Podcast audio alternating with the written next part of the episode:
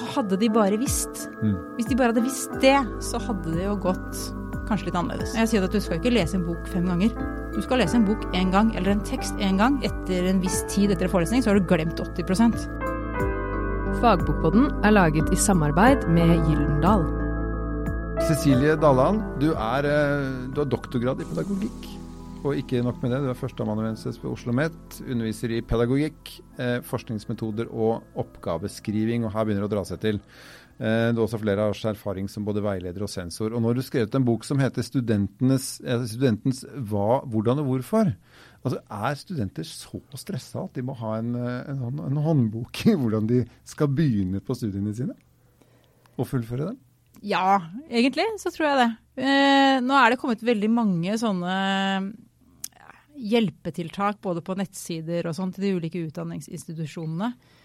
Men som veileder og lærer på, på Oslo OsloMet, da, og også på Universitetet i Oslo, så ser jeg det at det har vært lurt å sette seg godt inn eh, i det studiet du skal ta, uh, og de kravene som stilles uh, til deg som student i, i forhold til de ulike utdanningene. Ja, men det virker som du går liksom bredere til verks òg. Sånn, det er ikke bare resultatet. Det er som hele miljøet, det er Ja. med studentene, hvordan du forholder deg Mm. til hele pakka, liksom. Sånn, sånn psykososial uh, spill. Ja, altså mange studenter uh, reiser hjemmefra for første gang.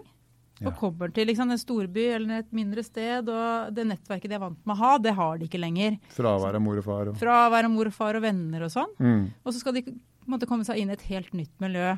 Vi vet at det er studenter som øh, føler seg ensomme. Kanskje ikke nødvendigvis ensomme på studiet, men at det liksom, når det er 17. mai eller er andre høytidsdager hvor de normalt er på, på campus eller på institusjonen de studerer ved, så, så er det ingen som på en måte inviterer til 17. mai-frokost eller Alle de naturlige tingene bortfaller. Ikke sant? Mm. Og så vet vi at det er viktig å få et godt studiemiljø. Et trygt miljø, et miljø du kan være kanskje i gruppe, altså kollokviegruppe, i for å få mest mulig og best mulig ut av studiene dine. Og for å også på en måte være fullføre studiet og ikke droppe ut.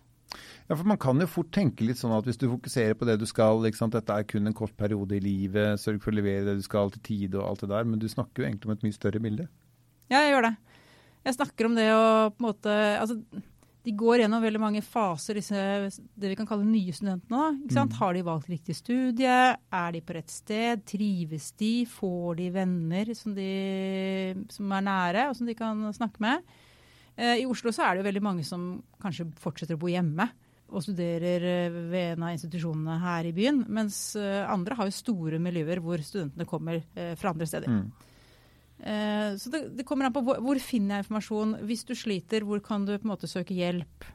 Det er studenter som kanskje trenger å snakke med en psykolog, eller altså trenger eh, noen å snakke med. Og da er, er det sånn tips og triks i den boka på hva du kan gjøre for å på en måte lykkes best med selve studiesituasjonen. Ja, og skape deg et miljø og et liv som gjør Ja. at du virker, rett og slett. Ja. Ja. Finne kanskje en eh, studentforening du har lyst til å være med i. ikke sant? Sånne type ting. Og så er det litt sånn at når du studerer, så er det litt viktig å vite hvordan den institusjonen du studerer ved, er bygd opp, f.eks.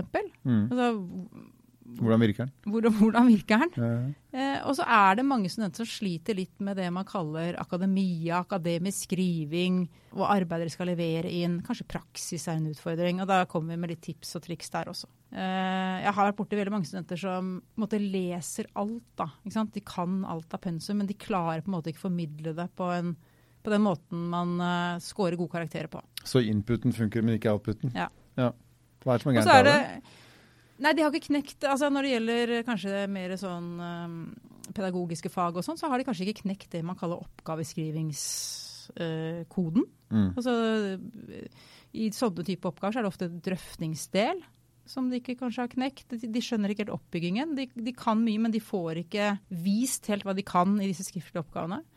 Uh, de er oppe på muntlig, kanskje.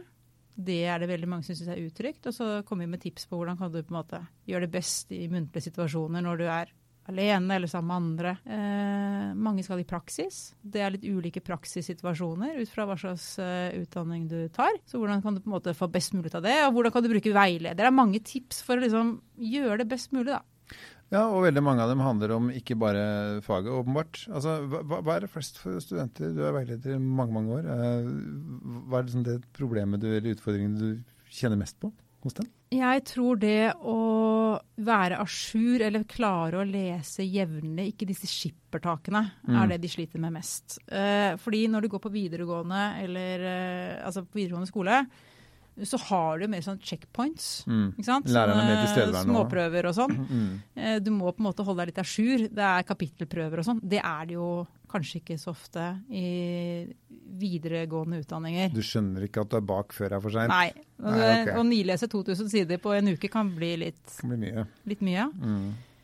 Det kanskje. Og så det med å på en måte bli trygg på seg sjøl. Studieteknikk er også en, eh, en ting noen sliter med. Altså det der med å lese også på en måte eh, erverve seg kunnskapen. Jeg sier at du skal ikke lese en bok fem ganger.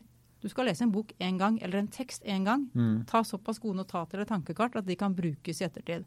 Da skal det være en holde å lese notatene. Mm. Så boka, når de sier at 'jeg har lest den boka tre ganger, jeg husker ingenting', da leser du feil. okay. Men fins det én teknikk her, eller er Nei. det en teknikk per menneske? Det finnes mange ulike teknikker eh, å, le, også, så, å, å erverve seg kunnskap på.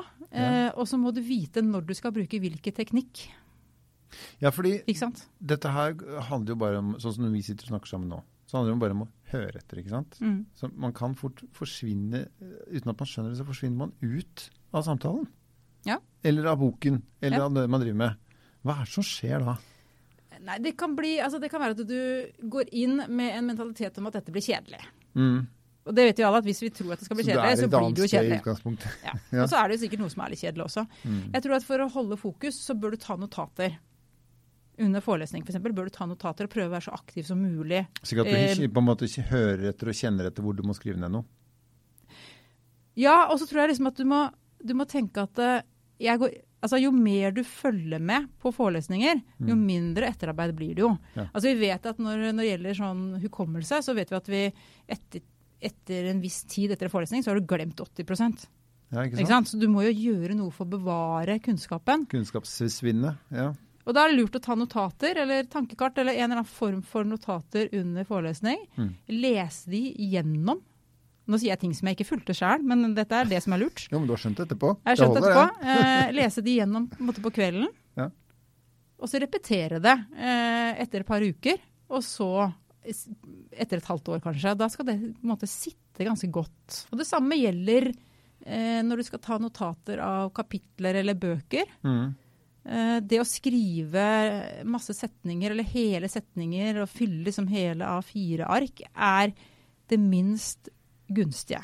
Okay. For da må du lese. Det er mye bedre å ha eh, stikkord eller tankekart som gjør at du får et sånt overordna blikk på det. Og da skal det også være sånn at du skal repetere det om kvelden, repetere det om to uker, repetere det om en måned, og så om et halvt år. Og da skal det på en måte være nok å repetere det til eksamen. Mm. Og så er det enklere å lese andre ting, for da husker jeg det leser jeg sist, da kan jeg koble det på det.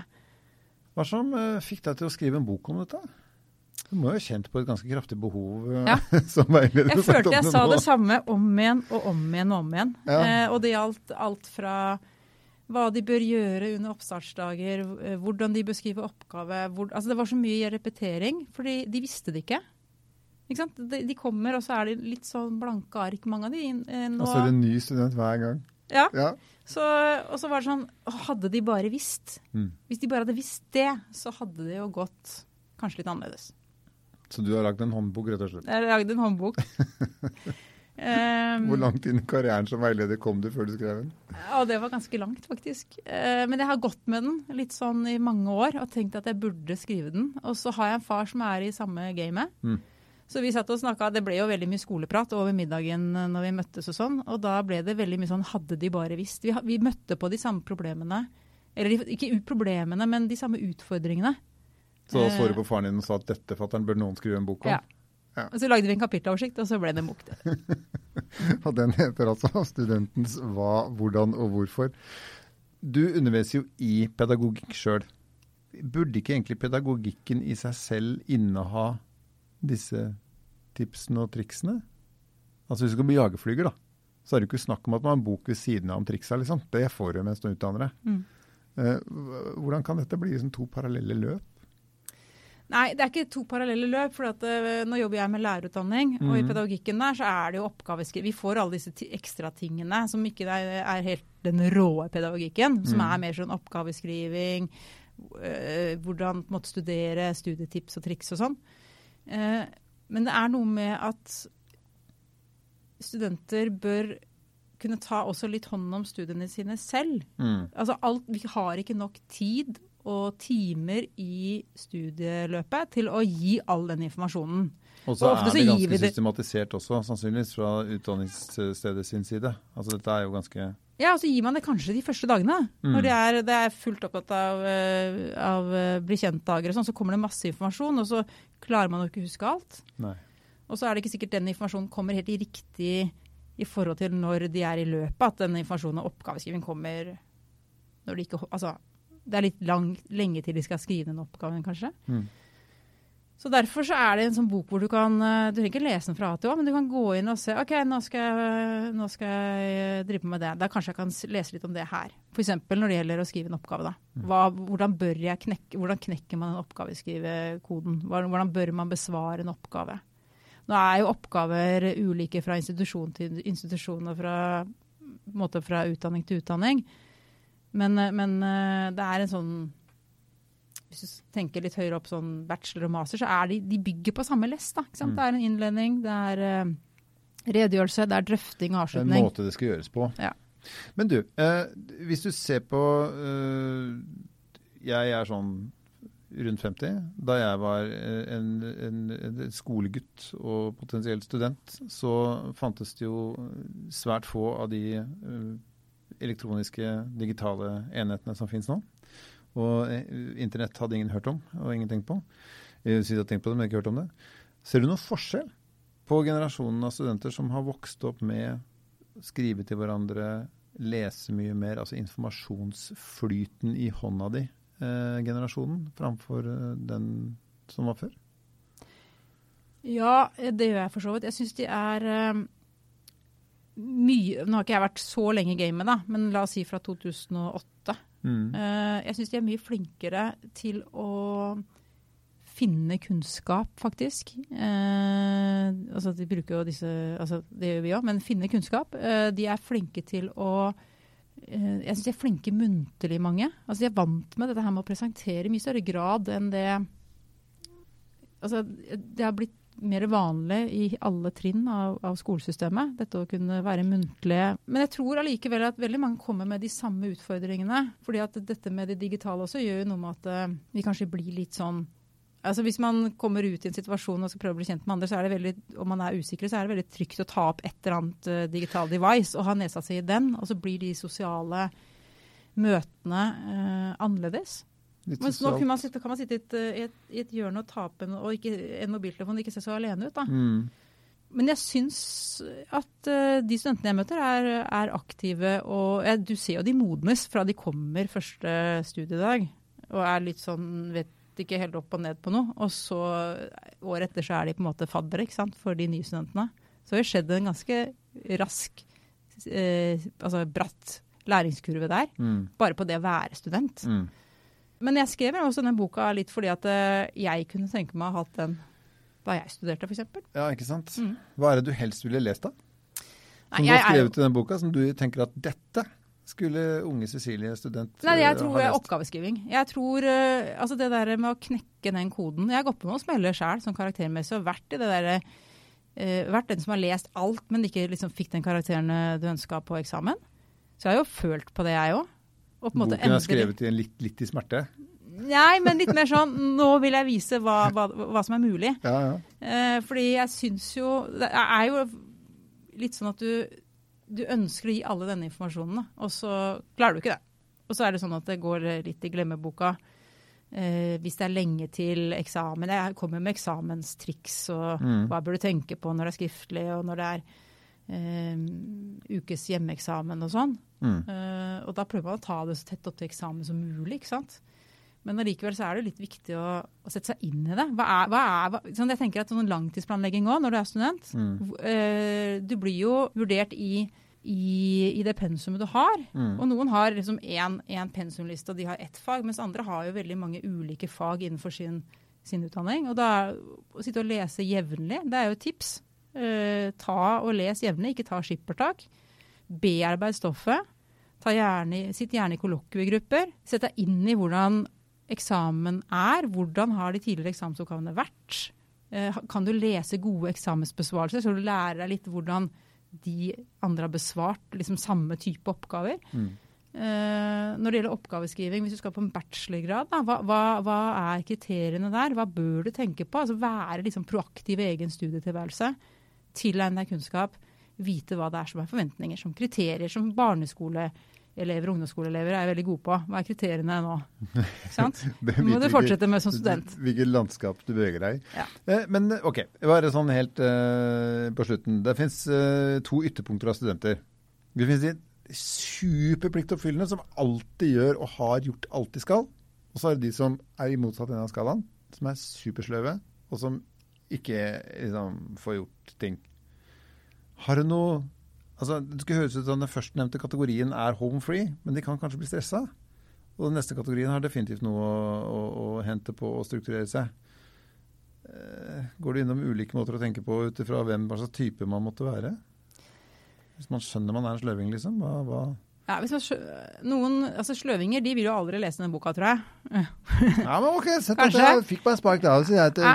OK, jeg er sløving. Jeg skal, ja, jo, det, dette skal jeg ta.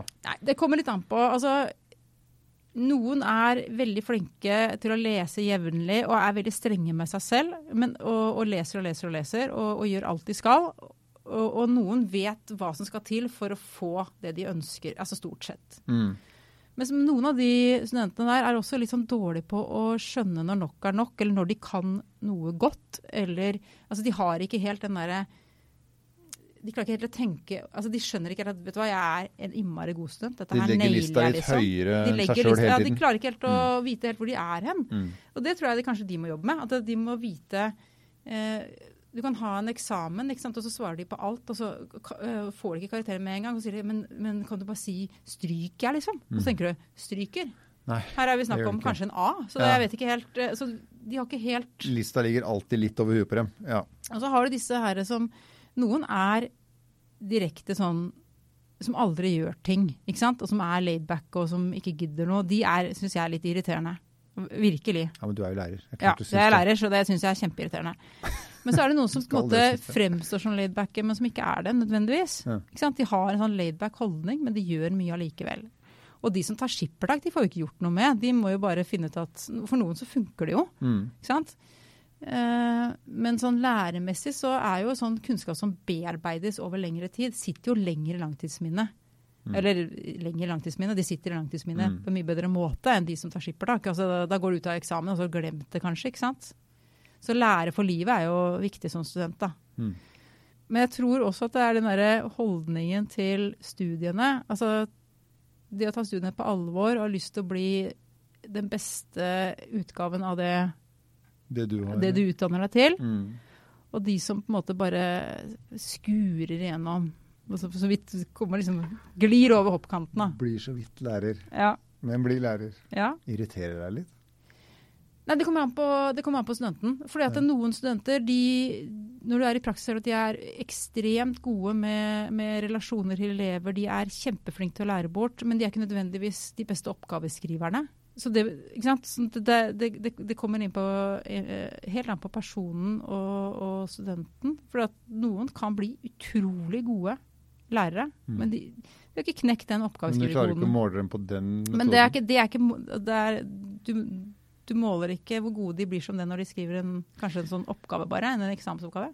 Sier du nå at eh, også eh, utdannelsesinstitusjonene, veilederne, måten vi gjør ting på, også har potensial som ikke er hentet ut? Ja, men jeg har ikke noe, har ikke noe løsning. Nei, Eh, du ser bare utfordringen. Nei, altså? Du, I en utdanningsinstitusjon som lærerutdanningen er, så har du jo gjerne en eksamen på slutten av semesteret eller på slutten av året i det faget eller de fagene du har. Og det er det du måles på, gjerne. fordi at Mm. de oppgavene du gjør i løpet av året, de blir gjerne eh, de får du ikke noe karakter på. Det blir gjerne bestått eller ikke bestått. ikke? Så må du bestå de for å få lov til å gå opp til eksamen. Mm, mm. Så man måler det de kan i løpet av seks timer eller åtte timer eller to dager eller en uke eller noe sånt. Så sånn sett, så, Men jeg har ikke noen løsning på hvordan vi ellers skulle målt, målt Nei, det. Det. Men det hadde vært interessant å ta Men, en men at mennesker som har store kvalifikasjoner i å lære bort og håndtere unge mennesker, kanskje ikke nødvendigvis får premie for det i dagens utdanningssystem, det ser du. Jeg ser det, og jeg ser, men de, de får jo gjerne det i forhold til praksis. Men det blir jo gjerne det blir jo en praksisrapport, da, som, Mm. hvor praksislærer skriver hvordan de er i møte med elever og i, som praksisstudent. Men det, det blir litt sånn som skolesystemet er for øvrig. ikke sant? Mm. Det, man måler de i forhold til karakterer, og de kan være gode på veldig mye annet som ikke måles. Og de kan ha, være for så vidt gode i faget, men ikke klarer å vise hvor gode de er. Og det ser man jo, det gjelder jo alle i hele skolesystemet. Det er veldig mange barn i, i skolen i dag som går rundt og sier at uh, alt jeg er god på, er ikke viktig på skolen. Og det syns jeg er trist. Du har hørt Fagbokpodden, som er laget i samarbeid med Gyldendal.